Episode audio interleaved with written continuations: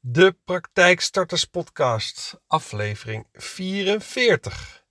Ik zal jullie eerst eens even iets vertellen over de mooie setting waarin ik zit. Ik zit namelijk in mijn auto. En nou is dat op zich niks bijzonders.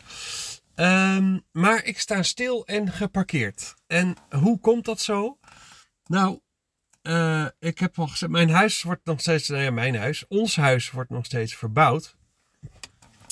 En uh, nou, het is inmiddels zover dat de hele woonkamer leeg is en de stukken door is al geweest. Dus uh, het ziet er alweer een beetje uit. Maar nu wordt er aankomende week vloerverwarming aangelegd. Nou, daar wil je echt niet bij zijn. Dus wij zijn gevlucht en het is ook nog eens uh, meivakantie, dus de kinderen zijn vrij. Naar een vakantiepark in Ede, Gelderland. Uh, en daar zijn we nu. Um, ja, dat is een beetje, het is zo'n plastic huis. Dus ik denk als ik hier binnen mijn podcast ga opnemen en iedereen is er ook, dan, uh, dan heb je allemaal bijgeluiden op de achtergrond.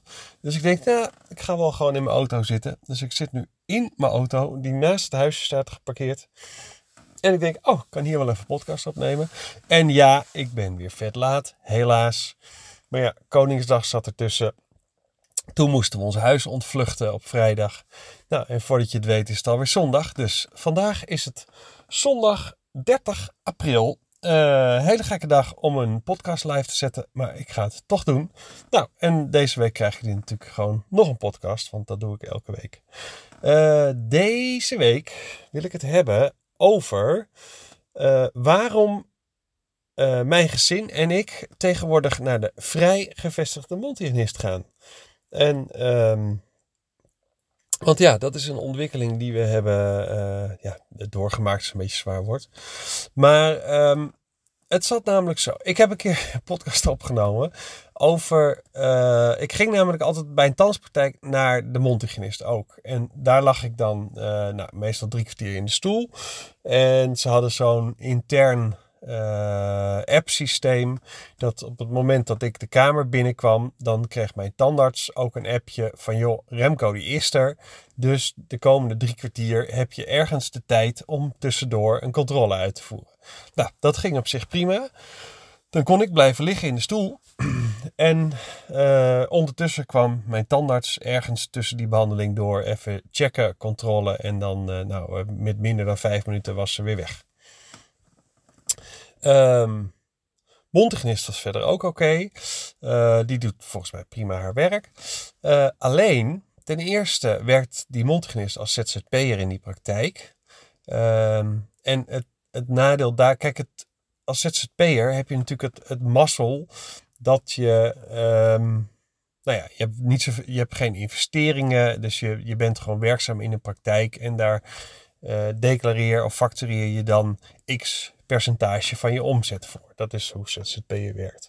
Maar uh, je hebt niet de vrije keuze in de spullen die je daar mag gebruiken. En ik zie geregeld, ik spreek geregeld mondhygiënisten, die uh, bijvoorbeeld niet eens een EMS-apparaat hebben, zeg maar, de, de, de holy grail voor de, voor de mondhygiënisten. Uh, nou, en zo ook mijn mondhygiëniste in die praktijk had dat niet. Dus zij was aan het hadden met gewoon een uh, ultrasoon uh, scaler van de unit. En ze had ook op die unit gewoon een, een, een airrotor aansluiting met zo'n zo'n EMS handy. Gewoon zo'n bolletje zeg maar met poeder erin.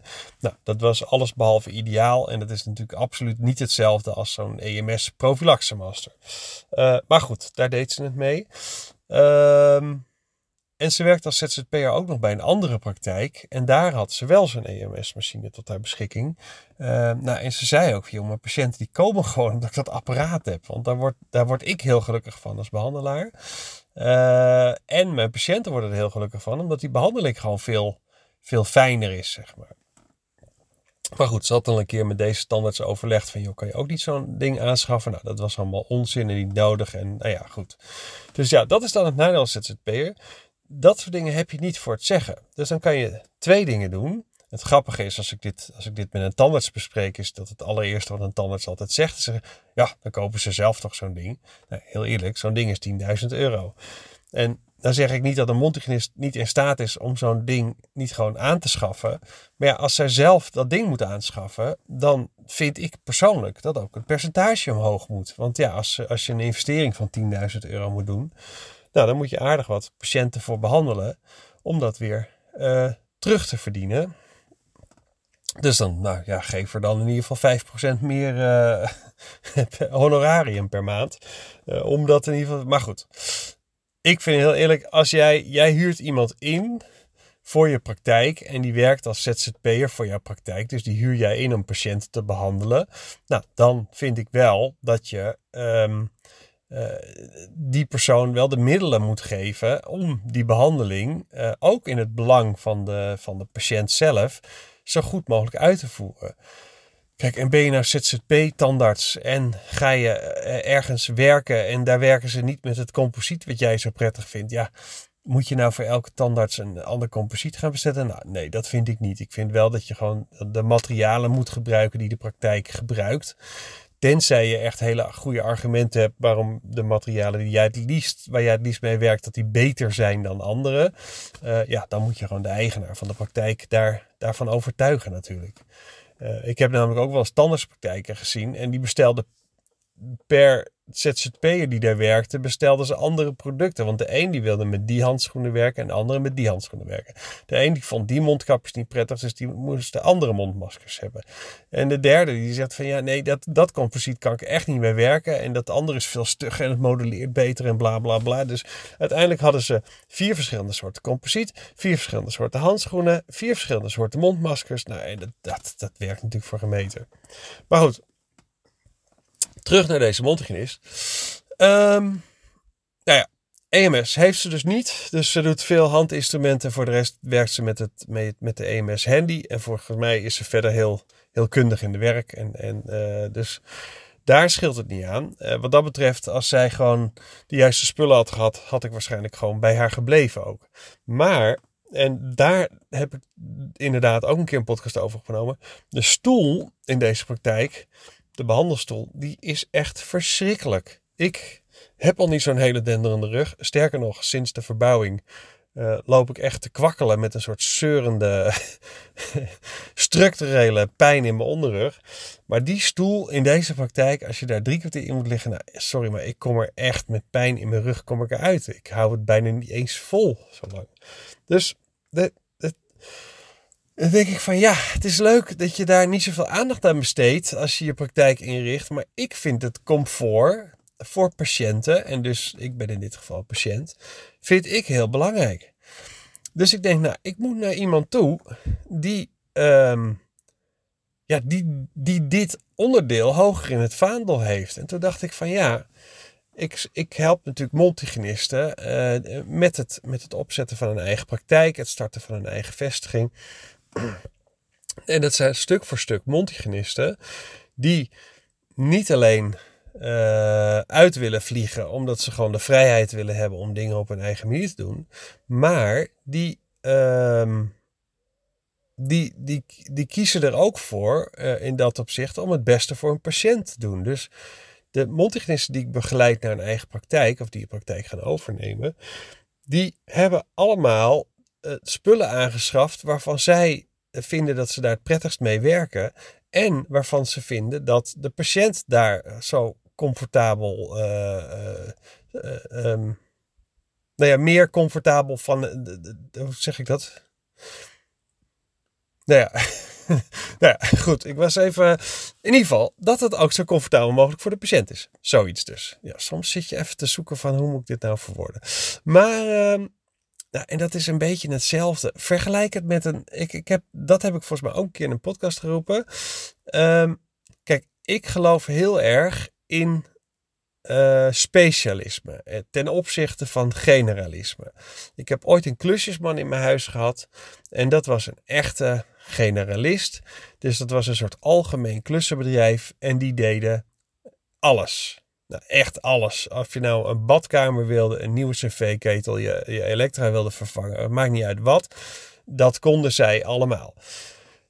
Um, kijk, een aannemer die, die, die kan dat ook allemaal, maar daarvan weet je dat hij mensen inhuurt die dat werk voor hem gaan doen. Dus als er iets met de elektriciteit moet gebeuren, dan huurt hij een specialist, en, uh, een monteur.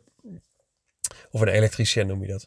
En als, hij, als er iets aan het sanitair moet gebeuren, dan huurt hij een loodgieter in. Nou ja, zo dus. Maar goed, dit was een algemeen klussenbedrijf. En het nadeel van een algemeen klussenbedrijf is dat die man die kon van alles een beetje. Dus hij wist er wel iets van. Ehm, maar hij moest heel veel dingen nog uitzoeken. Want kijk, als je een loodgieter bent en je doet uh, ongeveer dagelijks een, uh, een, een, een, een heel toilet renoveren, bij wijze van, dan krijg je daar bepaalde routine in. En dat, de, voor jou als behandelaar werkt dat natuurlijk precies hetzelfde. Er zijn dingen waar je gewoon steeds beter en sneller in wordt, omdat je daar ervaring in krijgt. Dus je, je ontwikkelt een bepaalde routine daarin. En dat maakt het werk makkelijker. Nou, dat geldt ook voor mensen in de bouw. Dus een, een loodgieter die het dagelijks doet, doet het veel beter dan een algemeen klusjesman. Die misschien drie keer, vier keer per jaar een toilet moet renoveren. Dus die moet dat weer uitzoeken. Hoe zat het ook alweer en hoe dat. En dus, dus er komt niet echt snelheid in. En daarnaast merkte je dat hij um, dat de afwerking van hem ook gewoon minder was. En, en dat, dat, kijk, ik ben, ik ben heel erg Pietje precies. Dus ik vind dat als je 4 mm links hebt zitten, dan moet je ook 4 mm rechts hebben zitten. Dat het gewoon recht is, weet je. Daar hou ik gewoon van. Nou, deze man, die nam het niet zo nauw. en nu weet ik, omdat ik ook thuis een paar verbouwingen verder ben. Net als het, het aanleggen van kitranden, daar zijn ook specialisten voor. Je hebt echt kitters, die doen niet anders dan kitten, maar die zijn er wel enorm goed in. Want je hebt ook zat loodgieters die zeggen, oh ik doe dat kitrandje ook wel weer. Nou, dat kitrandje ziet er dan vervolgens niet uit, want het is aan de linkerkant is het dikker dan aan de rechterkant. En nou ja, goed, dus ik geloof in specialisten ten opzichte van generalisten. Dat dus. Um, even terug naar, naar jullie als Montegnist. Um, dus ik denk van ja, het is leuk dat die, dat die tandarts hier eigenlijk de, de, de leiding heeft, de scepter zwaait in deze praktijk. Maar dat komt voor mij als patiënt niet echt ten goede. Want ik mis sowieso een comfortabele stoel. Mijn uh, mondhygiënist die mist eigenlijk de spullen om, om goed haar werk te doen. Uh, ze heeft mij al aangegeven dat ze er wel om gevraagd heeft. Maar het, gaat dus niet gebeuren. Nou, dat kan. Dus ik dacht van ja. En um, ja, ook nog, mijn dochter, die is nu 12 en die heeft, uh, die heeft brackets, dus die heeft een beugel. Dus die moet eens in de drie maanden moet ze even naar de mondhygiënist. Dus die was laatst bij de praktijk uh, voor een reinigingsbeurt. En toen stond ze na een kwartier stond ze alweer thuis. En dat, dat zit echt gewoon naast mijn huis, zo wat hoor, die praktijk. Dus, dat, dat, dus ik zeg, wat kom je doen? Ja, nee, ze waren al klaar. Ik zeg, hoezo al klaar? En, uh, en dus, nou ja, ze was dus gezien door een preventieassistent. Maar ja, ik weet niet wat die heeft gedaan in 10 minuten tijd, maar niet zo heel veel. Nou, en dan krijg ik weer die discussie. Uh, nou, het is geen discussie, maar het is wel iets waar waar, waar ik zelf enorm mee bezig ben. Van jongens, zorg nou dat je dat gewoon goed wordt. Dus of je zet een preventieassistent neer die echt weet wat ze doet. Hè, dat is ook prima, want uiteindelijk is het maar reinigen tussen de beugel en dat. En ik denk ook zeker dat de preventieassistent dat kan. Ehm, of je zet het gewoon bij mondhygiënist neer. Maar ook deze praktijk heeft maar één mondhygiënist. Dus als ik als ik het ook al probeerde om mijn afspraak een keer af te zeggen, omdat die toevallig even niet zo uitkwam, dan kwam ik vier maanden verderop, uh, kwam ik weer in de agenda terecht. Nou ja, dat is gewoon te weinig, want het is een vijfkamerpraktijk. Dus één mondhygiënist is echt te weinig, maar deze tandarts probeert dan de rest op te vangen met preventieassistenten. Nou, en dat is ook niet juist. Dus er waren gewoon meerdere dingen die me gewoon niet lekker zaten. En toen dacht ik van, nou, weet je wat, ik, ik moet gewoon naar een specialist uh, voor onze uh, ja, preventie en reiniging. Want ik geloof er heilig in dat als ik twee keer, drie keer, vier keer, kan me niet schelen hoe vaak per jaar, net, net wat de mondhygiënist, de specialist, uh, ervan vindt, naar de mondhygiënist ga, dat dat erger voorkomt. Want dat is natuurlijk het beroep van een mondhygiënist, voorkomen dat er dingen ontstaan. dus ik had een mondhygiënist bij mij in de buurt. En die is onlangs haar praktijk begonnen. Daar heb ik een gesprekje mee gehad, daar, maanden terug al. Uh, om te kijken of ik iets voor haar kon betekenen. Maar goed, ze begon een praktijk uh, aan huis. Ze had namelijk een garage in de tuin staan. En die, kon ze, die ging ze helemaal verbouwen tot praktijk. Uh, haar man was enorm goed in verbouwen en bouwen. Want die had ongeveer hun halve huis ook gebouwd. Dus die ging eigenlijk de verbouwing in ieder geval doen. En ook de leiding daarin nemen om het uit te besteden aan anderen. Uh, nou ja, de apparatuur had ze uit. Dus ik heb eigenlijk tegen haar gezegd van... Nou, ik zou echt niet weten wat ik voor je kan betekenen. Ik, ik, joh, ik kan wel alles gaan bedenken. Dus ik zeg, joh, als je vragen hebt onderweg over andere dingen... of uh, over AGB-codes of weet ik veel... dan moet je me gewoon lekker appen. Dat is prima. Maar voor de rest zie ik geen... Eigenlijk geen ingang om echt jou intensief ergens mee te begeleiden. Want je hebt alles al ja, bedacht en uitgedacht en op papier staan. Dus ja, ik, ik smeer niemand wat aan wat ze niet nodig hebben. Dus ook deze mondhygiënist niet. En op een gegeven moment dacht ik, nou, zij zit vlakbij mij. Nou ja, vlakbij. Het is uh, geloof ik vijf kilometer. Maar ik, ik vind dat vlakbij. Dat is een fietsafstand. Uh, dus ik appte haar op een gegeven moment van, joh, ben je al open? Ze zegt, nee, ik doe alleen nog, ik ben nu gaan testdraaien. Dus ik doe vrienden en familie en dan zie ik wat ik mis en wat ik nog nodig heb en dat soort zaken. En uh, ik zeg, nou ja, als je al wel open bent, dan, dan heb ik vier nieuwe patiënten voor je. Dus dat, zijn mijn vriendin en ik en onze kinderen.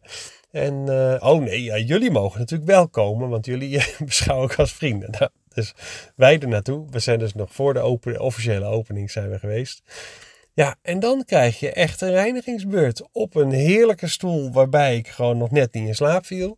Uh, met een EMS Prophylaxe Master, wat, wat niet alleen uh, een heel ja, iedereen moppert wel over de storingen die het af en toe heeft en, en, en de slechte service van EMS. Oké, dat, is, dat is wellicht waar. Althans, ik heb die ervaring natuurlijk niet, want ik heb niet zo'n apparaat. Maar ik lees er geen hele denderende dingen over. En, uh, maar verder is het wel een fijn apparaat. Althans, als patiënt vind ik het een prettig apparaat. Want het, doet gewoon wat het moet doen. En ik heb de, helemaal geen enkele pijn gehad bij de behandeling. En ik, naar mijn gevoel was het echt vet schoon toen we klaar waren. Um, en het is natuurlijk wel, wel interessant met dat, dat, ik, weet, ik weet allemaal niet hoe dat heet, dat is te technisch voor mij, maar met dat paarse spul wat je dan op je tanden krijgt en dan zie je precies waar je, waar je wel en niet goed hebt gepoetst. Dat is vet confronterend trouwens. Maar goed, dat, dat helpt wel. Dat vonden mijn kinderen ook heel, uh, heel interessant. En zo krijgen ze pas echt te zien waar ze dan meer aandacht aan moeten besteden. En wij natuurlijk als ouders ook. Nou ja, wij zijn natuurlijk ook verantwoordelijk voor die uh, gebitjes. Ja, dus wij zijn nu met z'n allen over naar die vrijgeveste mondhygiënist. Um, want ja, daarvan weten we zeker dat we daar gewoon de juiste zorg krijgen. En zij is gewoon een specialist op dit vakgebied. We hebben geen dilemma's meer van, joh, dat, mag de preventieassistent dit wel doen? Uh, en is ze daar wel voor opgeleid? Uh, want daar hadden we met die tandspraktijk wel last van. Nou, dit is gewoon een, een praktijk waar één mondhygiënist werkt. Dus er is alleen maar een mondhygiënist. Uh, nou ja, en ik ben daar eigenlijk heel gelukkig mee. En ik denk als wij het goed bijhouden allemaal. En, en wij krijgen van haar instructies en wij volgen die op. En we houden alle vier ons, ons gebit gezond. Nou, dan, dan kan ik één keer per jaar naar de tandarts voor een periodieke controle. Maar dat hoeft ook niet meer twee keer per jaar. Ik zou niet weten waarom. Dus ik ben helemaal gelukkig met deze beslissing. Maar dit is wat jij, en, en daar wil ik natuurlijk naartoe met deze podcast. Dit is waar jij natuurlijk als mondhygiënist die een eigen praktijk start of eentje overneemt, um, op in moet spelen. Met je hele verhaal naar buiten toe. Want er zijn natuurlijk zat mensen die denken, ja, een mondhygiënist, wat moet ik daar nou? En wat kan die nou anders dan een tandarts? En waarom zou ik niet gewoon naar de tandarts? Wat moet ik nou bij een mondhygiënist? Nou, gebruik dan dit verhaal eens om jouw patiënt te bereiken. Ga inspelen op wat ze nou missen binnen een tandartspraktijk of de, de aandacht en de zorg. Ik sprak van de week een en uh, hij, het was hij, die zegt van joh, ik plan gewoon standaard een uur voor een patiënt. Nou, en uh, dat is, uh, ja, dat is te veel. Uh, meestal. Maar dan heb ik in ieder geval uh, alle tijd van de wereld. Dus ook om een keer een goed gesprek ergens over te voeren. Dan, uh, en als ik echt tijd overhoud, ik kan mijn kamer klaarmaken voor de volgende patiënt. en als ik echt tijd overhoud, dan ga ik gewoon een bakje koffie drinken. Vind ik ook lekker. Maar daardoor heb ik niet een, een of andere hele lange pauze nodig. Nou, weet je, dat is ook een insteek. Maar hij um, heeft ook een eigen praktijk. En ik kan je vertellen, die heeft dus zoveel patiënten. Uh, die heeft inmiddels, moet hij bijna patiëntenstop inbouwen. Omdat hij op deze manier met, met mensen en met patiënten omgaat. En die voelen dat ook. Die krijgen echt de aandacht die ze graag willen en ook heel hard nodig hebben. Nou, dat is dus het mooie. Dus jij moet, uh, nou je moet niks. Um, maar als je dus je eigen praktijk gaat beginnen, dan ga je eens indenken van waar gaat het nou mis bij tandartspraktijken? En, en, en hoe kan ik er nou voor zorgen dat ik potentiële patiënten uh, ga aanschrijven, ga benaderen met dit verhaal. Waarom ze eigenlijk bij mij beter af zijn of meer zorg, betere zorg krijgen. Of inderdaad en nogmaals, het moet een samenwerking zijn. Hè? Dus je moet nog steeds samenwerken met tandartsen. En ik geloof heilig in die samenwerking. Want kijk, iedereen heeft het over dat, dat, dat tandartstekort waar we op afstevenen. En dat is natuurlijk ook wel zo. Um, nou, dat is wel waarom natuurlijk die hele uh, dat experiment is ontstaan onder de mondhygiënisten. Want als tandartsen nou stoppen met dingen doen die een mondhygiënist ook kan en vervolgens de mondhygiënist ook weer een deeltje van het werk uitbesteedt aan de preventieassistent, ehm, dan kun je met z'n drieën eigenlijk een enorm goede samenwerking opstarten. En dat is waar ik uiteindelijk naartoe wil. Dus iedereen zijn eigen specialisme, een goede samenwerking en een duidelijke taakverdeling van die doet dat en die doet dat. Nou, en dat is, uh, daar ga ik er maar mee afsluiten, denk ik. Want ik denk dat ik. Uh, uh, ja, ik denk dat je heel veel hebt aan dit, dit verhaal. dit is eigenlijk een verhaal van mij als patiënt en hoe ik mijn, um, nou, wat mijn ervaring dan is bij mijn tandartspraktijk. En waarom ik dus heb besloten om met mijn gezin uh, bij de tandartspraktijk weg te gaan. Nou ja, niet als voor, voor in ieder geval voor de mondhygiëne bij de praktijk weg te gaan. Uh, en, en dat werk te laten doen in een vrij gevestigde mondhygiënepraktijk. En dan ga ik voor eventuele behandelingen en voor periodieke controles blijf ik gewoon bij de tandarts. Uh, maar voor mondhygiëne gaan we, zijn we dus nu ergens anders naartoe. Nou, en dat is precies het verhaal wat jij uh, kan gebruiken om jouw patiënt ervan te overtuigen waarom ze bij jou moeten komen.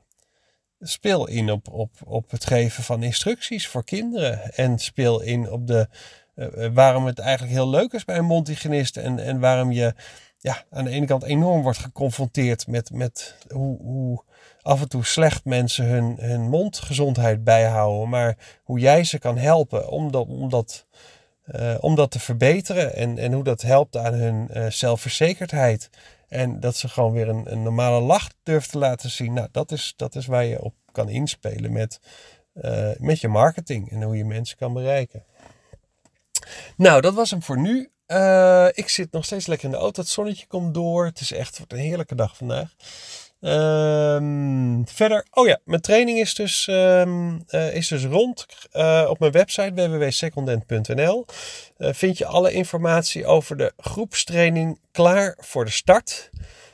en in deze groepstraining wil ik met 15 Montigenisten starten op 21 mei. waarbij we uh, in twee delen, een deel voor de vakantie en een deel na de vakantie. Uh, het eerste deel gaat over je motivatie, uh, over, ik leer je over locatie. Ik leer je eigenlijk alles wat erbij komt kijken om een eigen praktijk te starten. En voor de vakantie gaan we in op jou als ondernemer. Uh, inderdaad, de locatie. Uh, hoe gaat die praktijk eruit zien? Wat is je ideale patiënt? Nou, dat soort zaken. En na de vakantie duiken we de cijfers in. Dus dan ga ik je echt vragen stellen over hoe ziet nou zo'n behandeltraject eruit gemiddeld in jouw praktijk. En ik leer je hoe je dat gaat vertalen ook in cijfers en dus ook je eigen prognose uh, maakt. Dus Dus ondanks dat cijfers niet leuk zijn, ga ik je laten zien hoe dat wel ontzettend leuk kan zijn. Dus heb je interesse in deze groepstraining, online groepstraining? Ga dan even naar mijn website www.secondent.nl. Daar vind je alle info en daar kan je je ook inschrijven. En als je nog vragen hebt, joh, stel ze gerust. Uh, daar ben ik voor. Dus op mijn website vind je ook alle contactgegevens. Nou, dat was hem voor, voor, voor deze week. En ik zeg tot de volgende keer.